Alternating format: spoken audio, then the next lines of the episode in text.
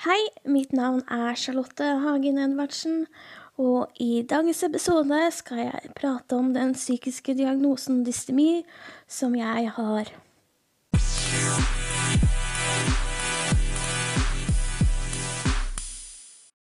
Så i dag tenkte jeg å prate om den psykiske diagnosen som kalles for dystemi. Det er den jeg fikk eh, etter utredning på DPS. Og det greske ordet dystymia det betyr dårlig sinnstilstand eller dårlig humør.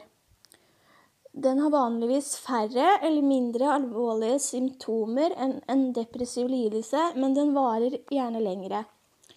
Eh, noen av eh, symptomene man kan ha, det er følelse av håpløshet, insomni, som betyr søvnløshet, eller hypersomni, som betyr at man er unormal eh, trøtt på dagtid, selv om man har hatt en normal nøttesøvn på minst åtte timer.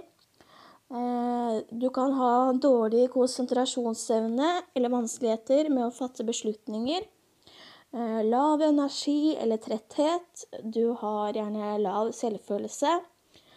Du kan ha dårlig appetitt eller overspisning, og du kan bli irritert.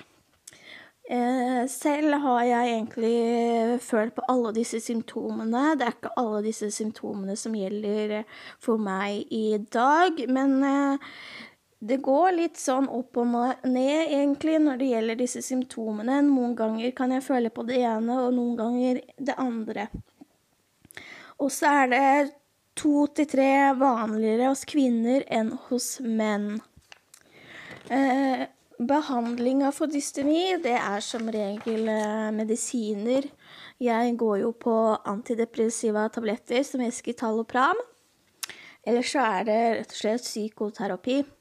Det er rett og slett samtaler. Jeg har jo samtaler hos eh, psykisk helse, og jeg har også gått til eh, samtaler på DPS.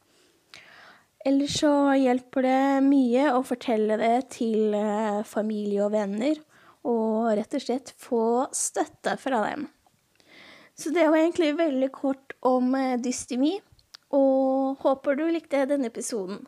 Ha det bra!